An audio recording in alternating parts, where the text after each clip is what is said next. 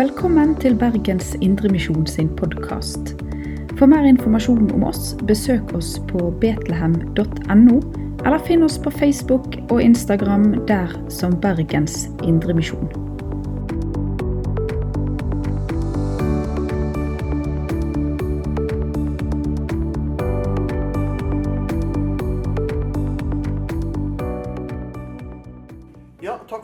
Truls, og eh, takk for invitasjonen til å komme her eh, også og være med i denne bibeltimerekka deres om, eh, om Den hellige ånd. Og da er det sånn at vi kan komme til å berøre hverandre i det vi har sagt i ulike, ulike bibeltimeholdere som har vært innom. Og samtidig så er jo temaet likevel avgrensa til i dag at vi skal snakke om det som har med Den hellige ånd i, og gjenfødelsens gave. Eh, Og relasjonen mellom ånden og det som har med gjenfødelsen å gjøre. Eh, og det er jo et viktig spørsmål. Og hvis eh, dere er jo kjent en del av dere i den eh, engelsktalende verden, og ikke minst hvis vi kommer til USA. Og der er jo liksom det store gjennombruddsspørsmålet den Are you a born again Christian? Eh, og eh, du skal kunne si I was born again on, og så kan en si når ble en født på nytt? Eh, så vi har jo ofte hatt dette uttrykket 'en personlig kristen' i Norge. Og så har vi hatt en del diskusjoner om det er et godt uttrykk, så mange av oss sier kanskje heller en bekjennende kristen. Men i USA så, for eksempel, så er jo det vanligste det å si 'a born again Christian'. Eh, og som også tar høgde for at USA er jo også et land der mange, svært mange, har en eh, ganske stor grad av kristen tilknytning. Men så blir det også der et spørsmål er det slik at alle som er med, virkelig er med. Og så blir dette her eh, nøkkelordet 'born again Christian', gjenfødt kristen, det blir eh, som skillepunktet på det. Uh, gjenfødelsen, det er jo er et ord som hører til innenfor, uh, disse frelsesbegrepene våre. Ikke sant? Vi har jo ulike ord som knytter seg til dette her med frelse, å være frelst eller å få Guds frelse. Eh, Og eh, et av de ordene er jo forsoning. Et annet er rettferdiggjøring, og et tredje ord er gjenfødelse. Eh, Og det er ikke sånn at de på en måte ja, altså de, de henger veldig tett sammen, da. Det er ikke sånn at du kan skille deg fra hverandre. Da kan vi si at forsoninga den har jo noe med noe Gud en gang gjorde utafor oss på et kors eh, i sin sønn Jesus Kristus. Da han forsonte verden med seg sjøl. Eh, men så lyder det likevel en formaning 'la dere forsone med Gud'. Altså, Vi kalles til å la oss dra inn i den forsoninga som er for alle. Forsoninga dekker alle på den måten at den er for alle. Men vi kalles til å ta del i det og få, og, og få en del i det, bli en del av forsoningens rike, så å si. Og da har vi igjen disse ordene som vi kaller for uh, rettferdiggjøring. Som handler jo primært om, ikke bare om det nødvendigvis, men det vi har kanskje særlig som en arv fra den evangeliske reformasjonen, det er at, reformasjon, det at rettferdiggjøringa primært handler om dette at det også skjer utafor meg, men det skjer med meg personlig likevel. Forsoninga skjer utafor meg, men den, den, den er for alle i hele verden. Rettferdiggjøringa det er det som det er når jeg dras inn i forsoninga og står for Gud, og ikke lenger er en skyldig, men er en som står rettferdig for Gud i Jesus Kristus.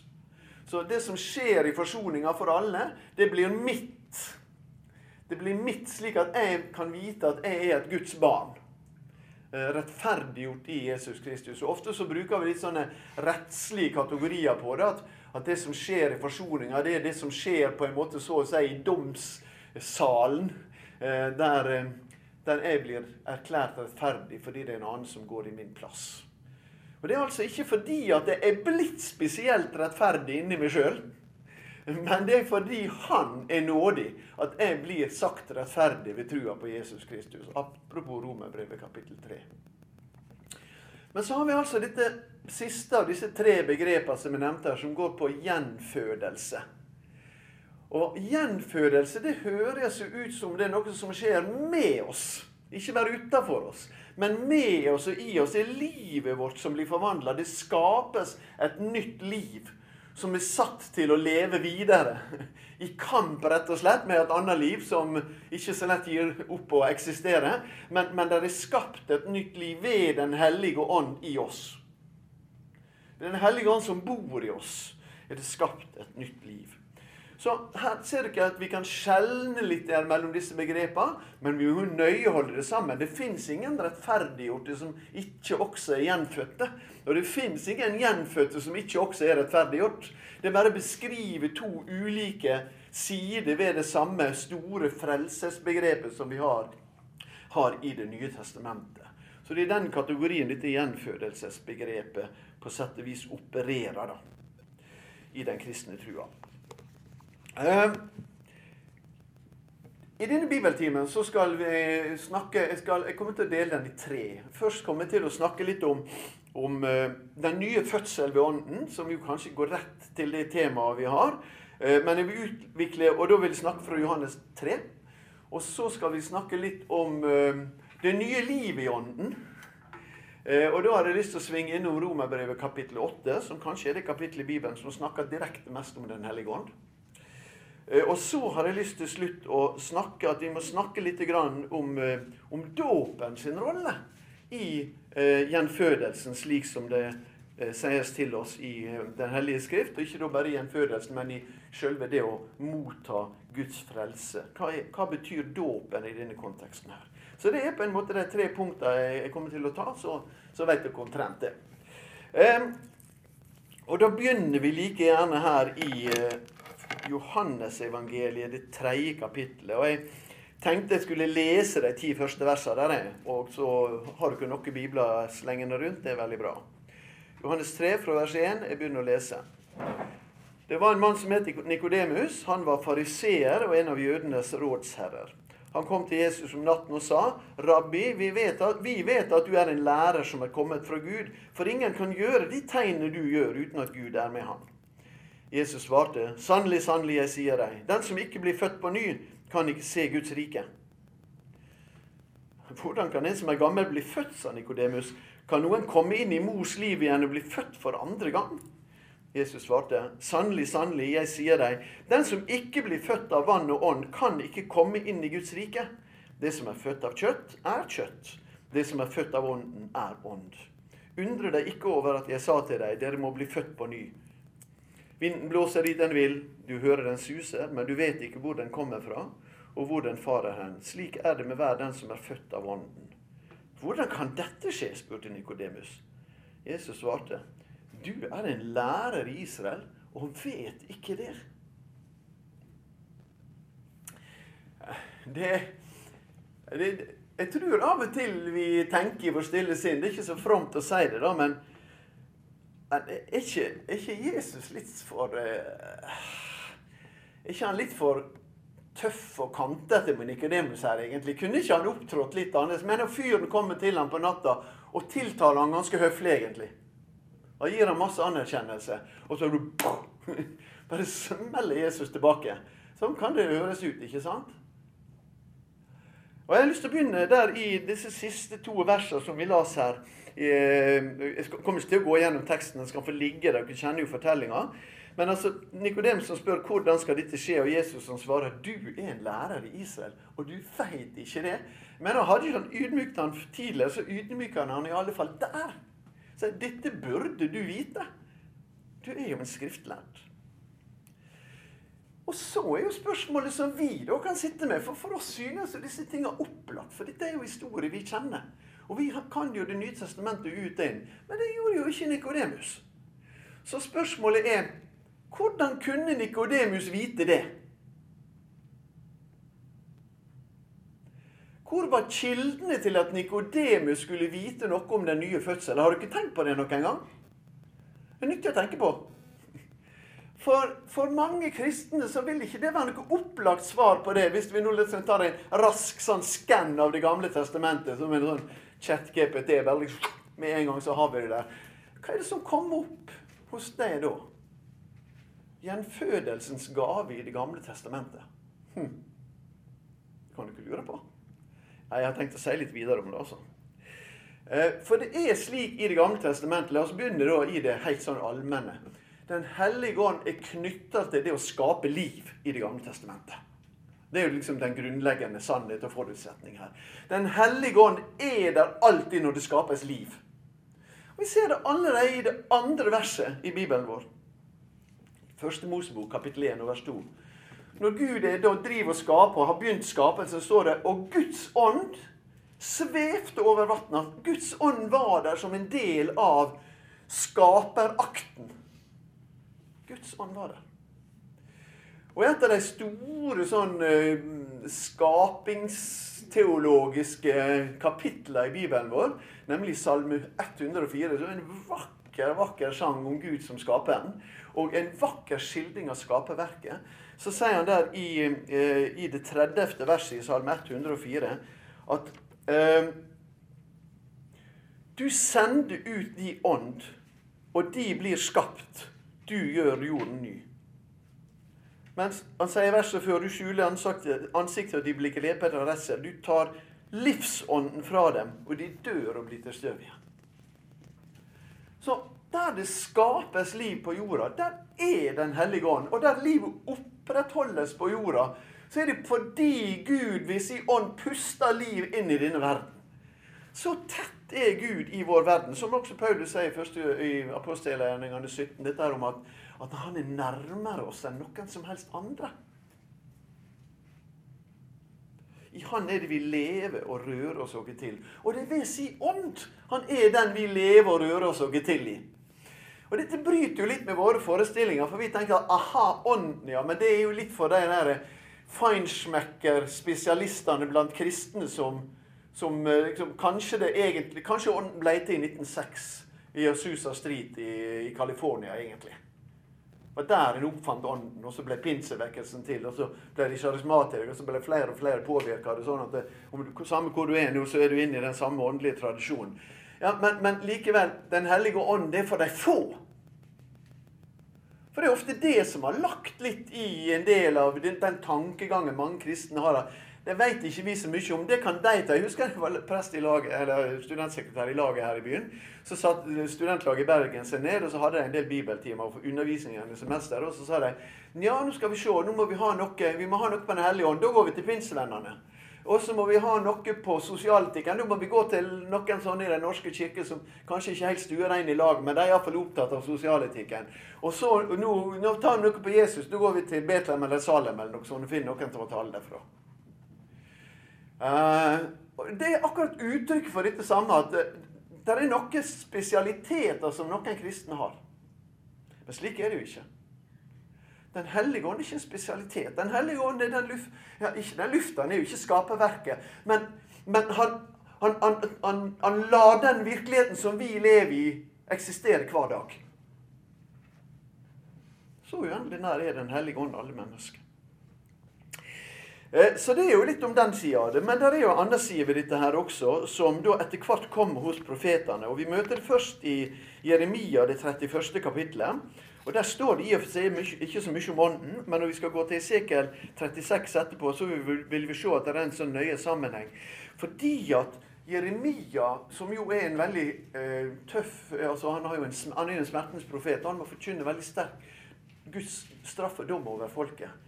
Og det går opp for han ved at Guds ånd taler til han, ved at Gud åpenbarer seg for ham, så, så, går det opp for han når han gir videre disse Guds ord om at det kommer en dag da det blir en ny pakt.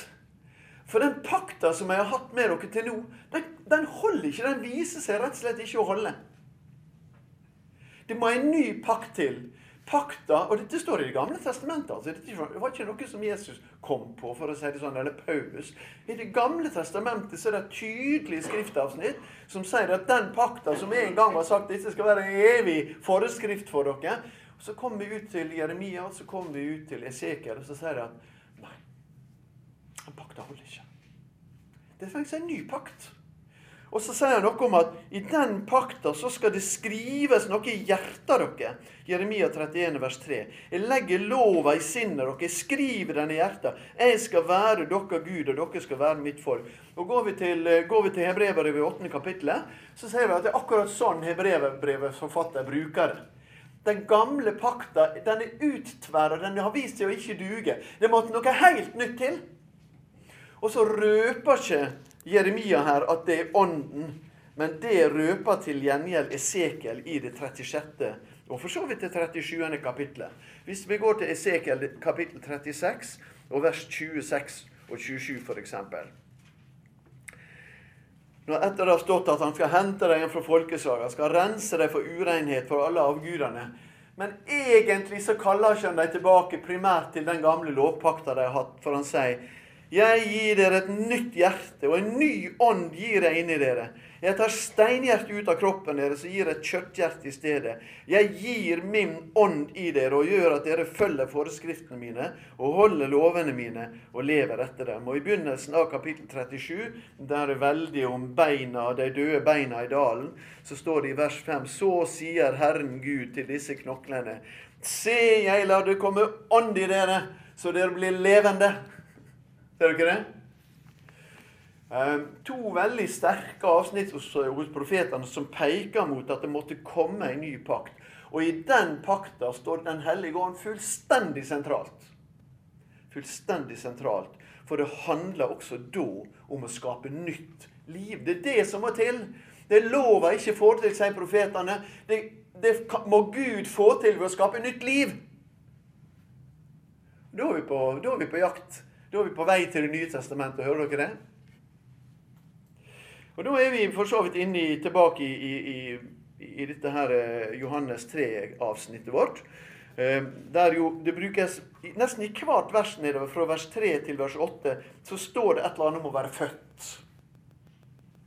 Eh, og det har med dere, dere kjenner ord som gen og genetikk og genealogi. og og Det kommer jo av fødsel. ikke sant? Genao er jo et eh, gresk ord som betyr å bli født.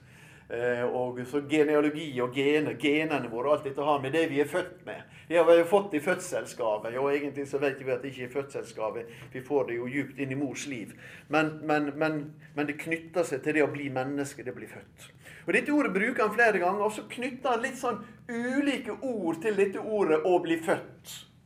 I vers 3 så sier han det som er oversatt her, med å bli født på nytt. Eh, på et ord som egentlig sånn opprinnelig betydde å bli født ovenfra.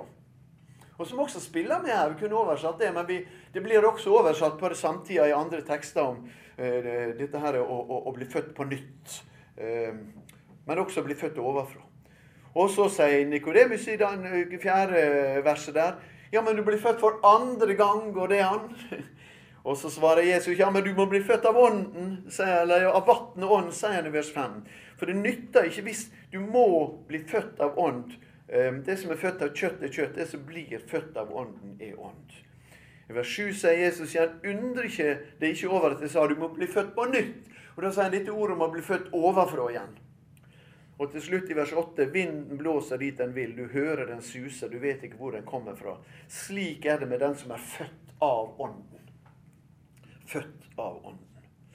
Så Her går mange av disse uttrykkene igjen nedover. Så dette er jo et, åpenbart et viktig kapittel og avsnitt for oss for å forstå og komme i grep med hva mener hva menes det i Det nye testamentet med gjenfødelsen og med Åndens rolle i gjenfødelsen? Og Den er jo helt sentral. Det er akkurat det samme mønsteret fra Det gamle testamentet. Liv blir ikke til uten Den hellige ånd. Og det nye livet blir heller ikke til uten Den hellige ånd. Skal vi få del i det som disse profetene lovte i den nye pakta, så må Den hellige ånd skape noe nytt i, våre liv. Ja, må, det må skapes noe nytt i vår relasjon til Gud, forsoning rettferdiggjøring. Men Den hellige ånd må også skape noe nytt i våre liv. Eller skape livet av våre nye. Eh, om vi skal gå til eh, en oversettelse av 2. Korinterbrev 5, se at alt er blitt nytt. Alt er blitt nytt. Eller det nye har kommet til, som en forsøkte seg iallfall i 1978-oversettelsen. Husker ikke helt hva en har på det nå. Eh, men alt er blitt nytt. Kan godt funke, det, altså. Og det er jo nettopp ved Ånden at alt blir nytt. Og, og dette knyttes altså til fødselen.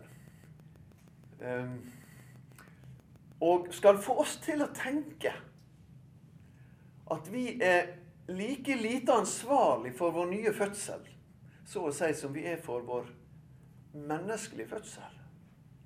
Hvordan bidro du til din fødsel? En ting er at vi ikke husker det. Men vi vet jo likevel noe om det. At barnets eller fosterets bidrag er relativt lite til det å bli til i denne verden. Det er faktisk ingenting på det å bli til eh, i denne verden. Og så er jo alle disse kontraksjonene og sånn når en blir født, så jeg skal ikke blande meg inn i det medisinske på det. Men tilblivelsen av et menneske Tilblivelsen av et menneske. Det er ikke noe et menneske som blir til styre sjøl. Og våger vi å tenke den tanken ut på den nye fødselen?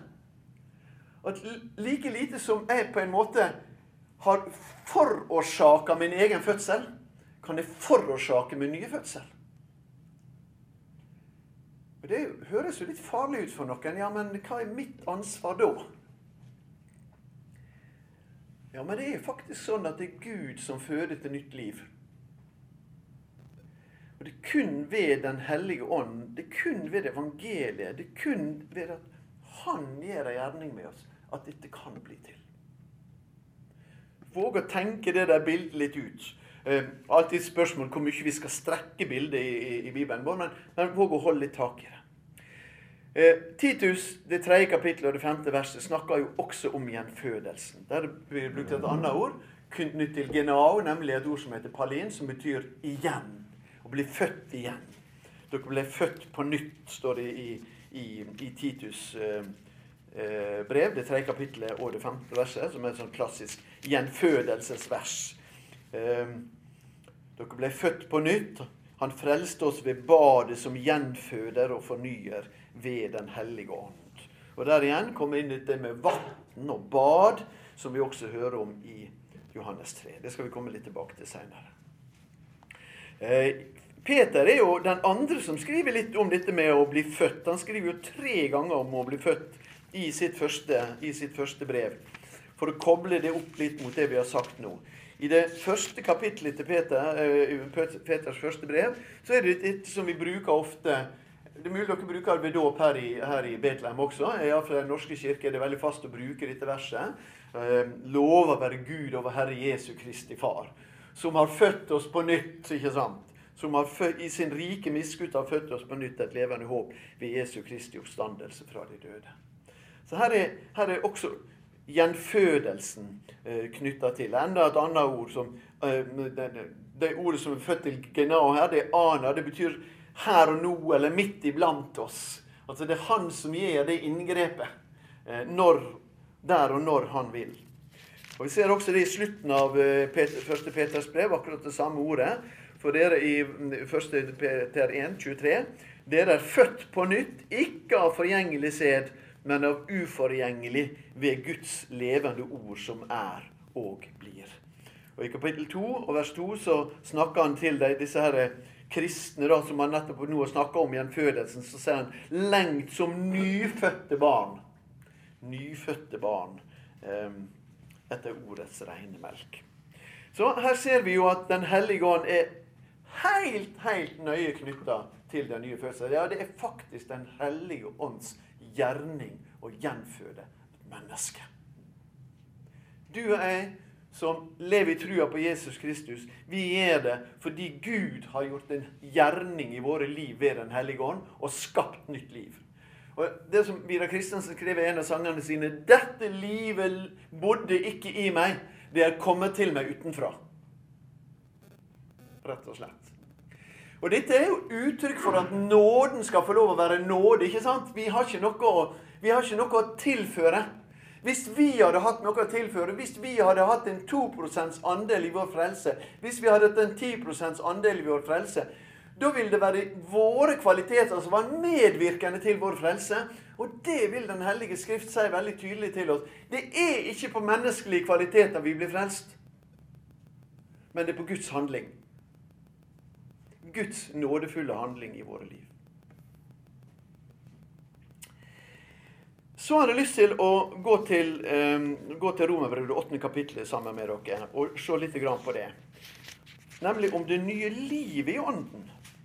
For nå har vi sett veldig tydelig Johannes-evangeliet her, og også i det vi har sett fra første Peter, eh, Peters brev, at, at, eh, at når gjelder det å, det å komme til nytt liv i Kristus og bli gjenfødt, så er det helt åpenbart noe som vi er avhengig av at Den hellige ånd handler med oss for å komme dit. Og Det kalles altså for gjenfødelsen. Eh, men eh, vi kan også gå til Romerbrev 8 og snakke om det nye livet i ånden. Jeg tror ikke vi skal lese alle de 17 første versene der. Men dette er jo et avsnitt som handler om livet som Guds barn i Den hellige ånd. Altså, Når Den hellige ånd har tatt bolig i oss og skapt det nye livet i oss, så skjer det noe med oss. Og Derfor så står det, hvis vi da, hvis vi da tenker tilbake på disse avsnittene vi leste fra profetene i Det gamle testamentet, de, der gikk opp for dem ved Guds åpenbaring at den lovpakta hadde ikke sjanse til å føre fram. Og Det skriver Paulus veldig mye her om i Romerbrevet også. ikke sant? Eh, det som eh, var umulig for lova fordi den sto maktløs fordi vi er av kjøtt og blod. Det gjorde Gud. Og det gjorde han altså ved sin sønn når han sendte han, men han gjorde det også ved sin ånd. Og Derfor sier han i verset etterpå, i vers 4.: Slik ble lovens krav oppfylt i oss som ikke lever slik kjøttet vil, men slik ånden vil. Og Her understreker egentlig Paulus at vi har fått et helt reelt nytt liv, vi som lever i trua på Jesus Kristus. Vi har fått et helt reelt nytt liv i våre liv. Og så kan vi si noe om hvordan dette livet og Galaterbrevet sier en del om det, Romerbrevet også for så vidt, om, om, hvordan dette kan sliptes fordi vi merker at vi har ikke bare den ene nyfødte naturen, eller gjenfødte naturen. Vi har også en annen natur som står imot. Det er en indre motstand i våre liv. Og det står enormt mye om det i Romerbrevet, ikke minst i det sjuende kapitlet. Men det er utrolig viktig at vi tar på alvor kapittel sju men en kristen må aldri bli værende i kapittel 7 og tro at det er normalstilstanden som en kristen skal være i. En kristen skal hele tida gå mot Romerbrevet 8 og inn i Romerbrevet 8 og få leve ut livet sitt i Den hellige ånd, slik det beskrives i Romerbrevet 8. Så, så, så Kristuslivet ved Den hellige ånd kan vokse til Guds likhet i våre liv. Likne Gud, mine kjære barn, sier Den hellige Skrifta likne Gud, mine kjære barn. Og Dette sier i grunnen Romerbrevet 8 på en veldig sterk måte. At gjenfødelsen, det nye livet som er skapt i oss ved Den hellige ånd, det har til hensikt å leve. Og det har til hensikt å utfordre det livet vi hadde i oss fra før. Slik at vi kan føres til seier over synd. Og ikke tro at det er en normaltilstand for en kristen å leve for så vidt en slags form for evig uavgjort. Hva sier vi hvis det er evig uavgjort? Jo, sier vi, da er, da er, jo, ånd, da er jo Guds ånd ikke noe sterkere enn verdens ånd. Men Skrifta sier jo at han som er i oss, er sterkere enn han som er i verden. Og det er det vi skal gå inn i våre liv i helliggjørelses med. Og det skal ikke gå så mye mer inn på her i dag. Men jeg har bare lyst til å si at det er en nøye sammenheng mellom gjenfødelsen til nytt liv. Og det å la dette livet leve videre og vinne terreng, vinne område i våre liv ved Den hellige ånd. Så vi ikke lever slik kjøttet vil, men vi lever slik Ånden vil. Og er opptatt av det som hører Ånden til. For det Ånden vil, er liv og fred. Men det er ikke kjøttet som har makta, det er ikke kjøttet som har makten over dere. Det er Ånden. Så sant Guds ånd bor i dere. Og det er jo gjenfødelsen. Det er at Guds ånd tar bolig i oss. Så sant du er gjenfødt, altså, så har faktisk ikke kjøttet makt over deg. Altså den vonde, syndige naturen har ikke makt over deg. Dere er ånden, så sant Guds ånd bor i dere. Ganske sterk. Det er ånden, så sant Guds ånd bor i dere. Den som ikke har Kristi ånd, hører ikke Kristus til. Dette har jeg også bare lyst til å understreke. Der går ei veldig viktig og naturlig linje ifra det nye livet i gjenfødelsen til det å leve ut dette livet. Det nye livet i Den hellige ånd. Romerbrev 8. Fantastisk kapittel. Så har jeg lyst til at vi skal bruke det siste. Så Det var de to første punktene. Da skal vi bruke det siste punktet eh, til å snakke litt om dåpen som middel for Guds handling. Altså nettopp for, ikke minst for gjenfødelsen, men la oss ta et litt større bilde på det. Og igjen, hvis Den hellige ånd er et sånt punkt som, som eh, på en måte vi eh, føler at det er vi for så vidt ikke enige om i Den kristne kirke, og det er blitt et sånt tegn på at vi er fra hverandre. Men det var jo ikke det det skulle være. sant? For ånden er jo enhetens ånd. Men er det sånn med ånd, så er det ikke noe mindre sånn med dåpen. Um, som også knytter seg sterkt til enhet i Bibelen vår. Uh, men som vi ikke forbinder med enhet. vi forbinder den med alt annet enn enhet. Fordi at den har skapt så mye uro. Um, den har skapt så mye uro. Det er så mye uenighet knytta til det. Og da når det gjelder dåpen, så kunne vi sagt en del om bakgrunnen på det jødiske bakgrunnen med renselsesbad og sånne ting, som jo ikke egentlig er noen bakgrunn for dåpen, men det finner jo vi i synagogen i dag også. Du går jo ned i sånne mikve, ikke sant? Du, som, som, er mer sånn rituelle renselsesbad, som hører til de gamle renselsesforeskriftene. Det er mange som har lurt på hva det er bakgrunnen for dåpen, men det var det nok ikke. Og det er jo noe som du gjør hele tida, stadig igjen og igjen. Mens når det gjelder den kristne dåpen, så er det helt åpenbart fastslått at den skjer én gang, og ikke mer. Eh, og så har vi Johannes sin omvendelsesdåp. da. Er, det på en måte eh, Er det den dåpen som Jesus snakker om? Eh, for det var en omvendelsesdåp. Når folk liksom, ble ramma i samvittigheten sin, og så, og så ble de døpt som en omvendelsesdåp, som et tegn på sin omvendelse av Johannes. Men Johannes sjøl sier jo det at eh, nei, nei, nei, min dåp er ingenting i forhold til den dåpen som kommer seinere. For den dåpen som han skal døpe med, det er, en, det er en løfte om dåp i, i vann og ånd, sier han. I vann og ånd. Uh, flere plasser skriver det, både i Johannes og, og Matteus og, og, og apostelen, så står det et løfte om, om dåp med Den hellige ånd. Uh, jeg er ikke verdt til å løse sandalreimen hans. For det han kom med, er så mye mer enn denne dåpen dere får her. Dere får en dåp av en helt annen art. I Matteusevangeliet så knytter han til og med ild til den dåp som skulle komme. da. Eh, og det ser vi jo på, vi jo på pinsedag. Den dagen da 3000 ble døpt i vann, så var det også en voldsom åndens dåp med ildens lue som kom ned over dem. Og Vi leser også i 1. Korinterbrev, det 12. kapittel og det 13. verset, så leser vi et, et ord som understreker oppfyllelsen av dette. At, at, vi fikk et løfte. Vi har et løfte i evangeliet, vi har et løfte i begynnelsen av apostelgjerningene på at skal, han skal komme, og så skal han døype oss med ånd og ild. Eller med ånd og vann, og også med ånd og, ånd og ild. Eh, og det er jo 1. Korinterbrev kapittel 12 vers 13.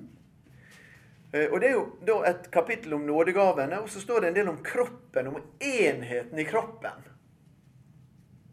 Nådegaven er også tenkt for enhet, og ikke et mangfold naturligvis, men et mangfold som skal bygge enheten. Og Slik kroppen er én, selv om den er mange lemmer, og alle lemmene utgjør én kropp, enda de er mange, slik er det også med Kristus. For med én ånd ble vi alle døpt til å være én kropp Enten vi er jøder eller grekere, slaver eller frie, og alle fikk vi én ånd å drikke. Og Dette er uttrykksmåter av Paulus som rett og slett knytter seg til det å bli ett med Kristus. Altså, han snakker om det å bli ett med Kristi kropp.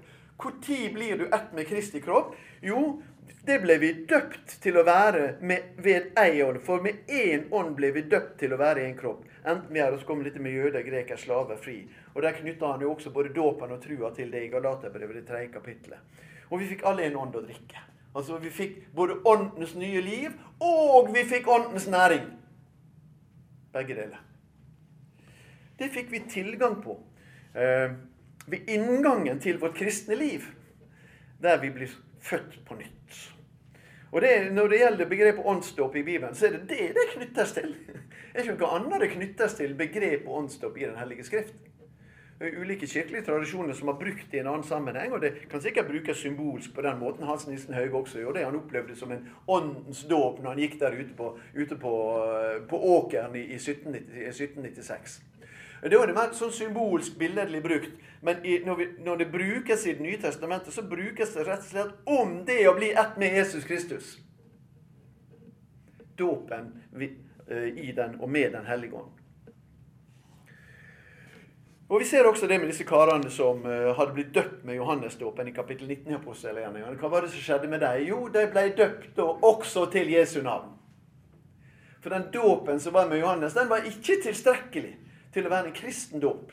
Men de måtte også døpes til Kristi navn, og de la hendene på dem, og Den hellige ånd falt over dem. Så ser vi også gjennom hele Det nye testamentet at dåpen den knyttes til frelse. Og En av de store forskjellene i synet på dåpen i den kristne menighet, det går jo på dette Er dåpen primært en gudshandling, eller er dåpen primært min handling? Og Da har vi fått denne uh, ubibelske språkbruken inn, der folk snakker om at 'jeg skal døype meg'. Eller 'har du døpt deg'? Og Det er en ganske morsom språkkonstellasjon. For jeg har ikke møtt et eneste menneske som har døpt seg. For da går du jo ut kanskje i elv, og så øser du vann over deg sjøl. Da døyper du deg. Men det er ikke slik det skjer i den kristne menighet. Du blir døpt. Du blir døpt. Det er ikke primært din handling eller min handling. Det er Guds handling. Og alt språk i Det nye testamentet peker mot at dåpen er Guds handling, og ikke en form for bekjennelseshandling. eller slike ting. Det er rett og slett ikke noe språk i Det nye testamentet som peker i retning bekjennelseshandling. Alt språket peker i retning Guds handling. Når vi skal gjøre folk til disipler, hvordan skal vi gjøre det? Ved å døype dem. Det er veien inn i disippelskapet. Det er Gud som fører oss inn i disippelskapet gjennom Dåp gjennom tru, naturligvis, og gjennom opplæring. Ehm, og Så kan han diskutere om Johannes 3,5 og Titus 3,5 handler om dåpen. Det får være noen sånne eksegetiske diskusjoner som teologene gjør. Men det er jo iallfall en påfallende språkbruk at gjenfødelsen og ånden knyttes til vann og knyttes til et bad eh, i disse sammenhengene her. Som gjør at det i en luthersk tradisjon var vanlig å knytte nettopp disse versene til dåpen. Hvordan skal vi bli frelst, brødre? ropte de ut på pinsedag i apostelgjerningene 2. Omvend dere og la dere døype, da skal dere få Den hellige ånds gave, sier Peter. De, får, de skulle få Den hellige ånds gave når de vendte seg til Kristus og mottok dåpen, da skulle de også få Den hellige ånds gave. Ser du hvor tett det er knytta sammen? Eh, vi ser også i disse fortellingene eh, som er knytta Tru og dåp er jo alltid knytta sammen. Det har det også alltid opp til 2011-2014 vært i, det, i, det, i Den norske kirke sin, sin liturgi. Nå er, det, nå er, det, løst opp i de nyere liturgiene. Men tidligere, i hundrevis av år bakover, har tru og dåp alltid vært knytta sammen. Og Det ser vi naturligvis også i apostelgjerningene. De som kom til tru, de ble døpt. For det hørte til inngangen i det kristne livet. Og Vi ser til og med allerede i apostelgjerningene at det var ingen garanti om du ble døpt for at du på en måte Da var du usårbar og ikke kunne falle ifra. Det er faktisk en som faller fra i løpet av det kapitlet der han blir døpt. Nemlig Simon Mageren i kapittel 8. Og så ser vi disse her fortellingene, tre fortellingene i Det nye testamentet der det står at de ble døpt med hele sitt hus. Evangeliet blir forkynt, de kommer til tru, og de blir døpt med hele sitt hus, eller med alle sine, som det jo står i 1. Korinterbrev kapittel 1 vers 16. Der står det ikke dette med huset, men der står at de ble døpt med alle sine. Um, det var innlemminga i fellesskapet som skjedde i dåpen. Hva sier så breva om dåpen i Det nye testamentet? Ja, Romerbrevet, det sjette kapittelet, som kanskje er den sterkeste dåpsteksten, slik som jeg tenker den, den handler jo om det at hva skjer i dåpen? Jo, jeg blir gjort ett med Kristi død og oppstandelse, med at jeg dør som Han og blir gravlagt, og jeg står opp med Han til et nytt liv. Og Det er jo akkurat knytta inn mot gjenfødelsen. ikke sant? Jeg dør med Han, bort fra mine synder, bort fra alt som har ødelagt mitt forhold til Gud, og jeg reises opp til et nytt liv. Og, det, og vi har jo sagt til hverandre at overalt når det skapes nytt liv i, nye, i Bibelen vår, så er det Den hellige ånd som er der. Som livets giver og livets skaper. Så det er akkurat det samme mønsteret som gjentar seg i Romerbrevet 6. Finner akkurat det samme uttrykket i Kolossebrevet 2, vers 12 og 13 her. Eh, når Paulus skriver om disse her som Han hadde jo ikke døpt noen, sant? og så kom han på jeg hadde visst døpt noen likevel i Korint. Men, men mitt oppdrag var ikke å døpe, sier han. Men han skriver samtidig som han skriver det, så skriver han om at de blir døpt til Jesus. Det er det som er hele dåpens hensikt. At en blir døpt til Jesus. 1. Korinterbrev 1, 13 og 14 er da Kristus blitt delt, var det kanskje Paulus som ble korsfestet for dere? Eller blir dere døpt til Paulus' navn? Nei, jeg takker Gud for at jeg ikke har døpt noen av dere, bortsett fra Krispus og Gaius. Ble du ikke døpt til Paulus sitt navn? Nei, nei, nei. Det er bare ett navn du kan døpes til. Du kan døpes til å tilhøre Jesus Kristus. Og så igjen du døpes til å tilhøre menigheten i Korint som Paulus snart kom til å reise fra. Derfor var det menighetslederen som døpte. Akkurat det samme finner vi i Galaterbrevet 3. Hva uttrykk bruker han der? Jo, der bruker han uttrykk om at i dåpen så blir vi ikledd Kristus. For at vårt gamle liv skal skjules og gå til grunne. At vi skal eie det nye livet i den oppstandende Jesus Kristus. Dere er ikledd Jesus Kristus. Og på den måten ført inn i menighetens enhet og fellesskap. For i verset etterpå så står det om at her Altså i dåpen, i trua, i menigheten. Her er det ikke forskjell på mann og kvinne, jøde og greker, trell og fri. Efeserbrevet 4, vers 5, der står det om at det er bare én dåp. Og som gjør all gjendåp ugyldig. Gjør all gjendåp ugyldig. Hvis en ikke da vil si det at den praksis som de fleste kristne har vært utsatt for i verden, nemlig å bli døpt som barn, er ugyldig. Enten må en si det at de fleste av oss her inne er ugyldig. Vi har ingen gyldig dåp. Eller så må vi si at gjendåp er ugyldig. Og Ifølge Skriften er det det siste som står fast. Det er én dåp. Og den dåpen er tiltenkt enheten i menigheten, sier Feserbrevet kapittel 4. Og det femte verset, f.eks. Kolosserbrevet 2, vers 11 og 12 snakker om at dåpen tilsvarer omskjærelsen. Og hva var omskjærelsen? Det var inngangen i pakta, i den gamle pakta. ikke sant? Det var heldigvis bare guttene som måtte omskjæres. Men det var inngangen i det. Det var inngangen i den nye pakta. Og slik skal dåpen også være inngangen til den pakta som, vi, som er gitt oss i Jesus Kristus. Hebrevet 6 vers 2 der snakker en om eh, et ord som sannsynligvis handler om dåpen. At dåpen, altså renselsesbad, står det, hører til basiselementer i trua. Og Det er jo dumt at vi må inn og undervise dere om dette igjen, sier han som har skrevet dette brevet her. For det tilhørte jo de grunnleggende tinga i trua. Det, det er blant de første tinga som kom i trua. Og I 1. Peter 3, 21 så møter vi uttrykket dåpen frelser oss. Ja, Dere har vel lagt merke til det? Og den tilsvarer ikke vannet på Noas tid, men den tilsvarer arken på Noas tid. Den arken som frelste Noah og hele hans familie. Eh, som nå frelser oss. Dette er et bilde på dåpen som nå også frelser dere. Dåpen som nå også frelser dere. Og det er gjenfødelsens frelsesgave det snakkes om. Dåpen er ikke å vaske kroppen ren for sitt, men en bønn til Gud om en god samvittighet i kraft av Jesu oppstandelse. Så knyttes det også da til, til oppstandelsen, rense samvittigheten i kraft av oppstandelsen. Hva er det som er mønsteret i dette, kjære venner? For alt dette hører sammen. Nå har jeg snakka en del om dåpen. Det har jeg gjort bevisst, fordi jeg synes vi trenger på en måte bevisstgjøres på det. Det er alt for mange, det er andre sammenhenger som er høgst bevisst på det i denne byen. Eh, og, og, og, og, som har en veldig, veldig høy bevissthet på å ville undervise sine folk i det. Og vi må være mer frimodige i vår luthersk kontekst forkynne frimodig og undervise frimodig, ikke minst til ungdommene våre, om at de trenger ikke la seg uroe av om klassekameratene deres på Danielsen mener at de bør døpes en gang til. De trenger ikke det.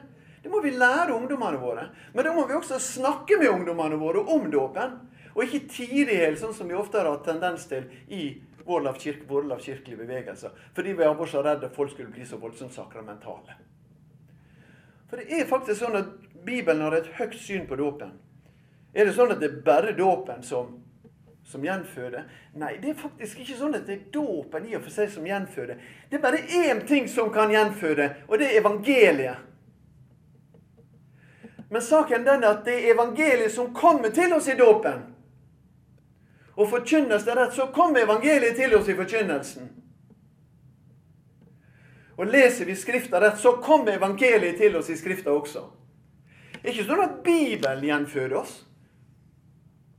Her er det så mye lovstoff at, og det har lite gjenfødende kraft. Men det er evangeliet som er kjerna i Skrifta, og som også lova driver oss til i desperasjon, det gjenføder. Men dette må komme til oss på en eller annen måte. Og dåpen er et Guds middel til at det skal komme til oss. Jeg kaller i og for seg ikke dåpen Guds gave. Men det er det middelet Gud gir sin gave gjennom. Det er ikke dåpen vi skal havne i. Vi skal havne i evangeliet. Det som skaper trua i våre liv. Det som gjenføder oss. Og så er dåpen et middel for Gud til å jobbe med. Fordi Gud vet at så mennesker har så vanskelig for å tro, altså vanskelig for å stå, forstå, altså vanskelig for å gripe, altså vanskelig for å forstå at det er noe i det er deg.